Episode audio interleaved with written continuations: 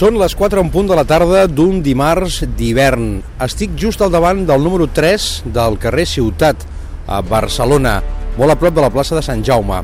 Aquí a la tercera planta d'aquest edifici hi ha la seu de la candidatura Barcelona-Pirineu 2022. A aquesta hora m'ha citat per parlar dels ets i uts d'aquesta candidatura el comissionat l'Enric Trunyó.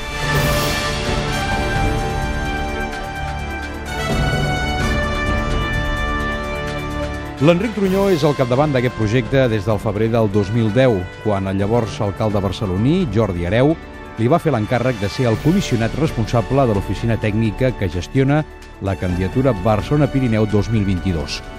L'objectiu, organitzar el Joc d'hivern d'aquí 9 anys. Aquest 2013, però, és clau per a aquesta oficina tècnica amb unes dates que marquen les actuacions més immediates a seguir. Tenim aquestes dues dates, el 7 de setembre a Buenos Aires, on el CIO considerarà la seu del 20 i el dia 14 de novembre on començaria el nostre procés. Eh, entremig haurem de prendre doncs, la decisió de presentar-nos, presentar-lo definitivament doncs, en el Comitè Olímpic espanyol i aquest també prendre la decisió si ens presenta en el Comitè Olímpic Internacional.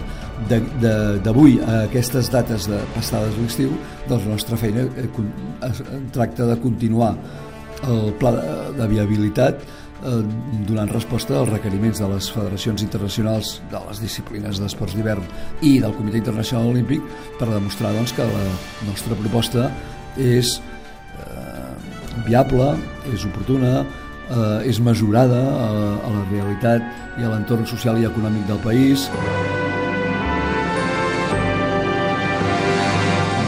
Té una llarga experiència, entre altres qüestions, en el món olímpic i ja com a regidor d'esports de l'Ajuntament de Barcelona va viure de ple als Jocs del 92. A més de sentir intensament la política, l'Enric Trunyó, de 64 anys, és llicenciat en Enginyeria Química per l'Institut Químic de Sarrià i, esportivament parlant, havia jugat al futbol i a l'handbol. Ara, el gran repte és donar forma i fer viable una candidatura que ha de tornar a pujar Barcelona al centre del món amb l'afegit d'un Pirineu que comparteix el mateix desig i que està preparat per afrontar-lo. I per què volem fer de posicionar el Pirineu en el mapa? Perquè ens sembla que, si pensem bé el que hem anomenat el Pla Global pel Pirineu, pel seu desenvolupament, per respondre a quin Pirineu de futur volem, serem capaços de respondre a la gran qüestió de fons, o el gran objectiu de fons del Pirineu, que és anar construint, diguem-ne, un Pirineu de futur on sigui possible viure i treballar de qualitat. El programa olímpic d'un Jocs d'hivern inclou set esports diferents que agrupen 15 disciplines i que impliquen la celebració d'unes 86 proves. Per desenvolupar-les cal tenir una dotzena de seus de competició i entre dues i quatre seus d'entrenament, a més de diversos equipaments per a altres serveis, com premsa, televisió i viles olímpiques, entre altres.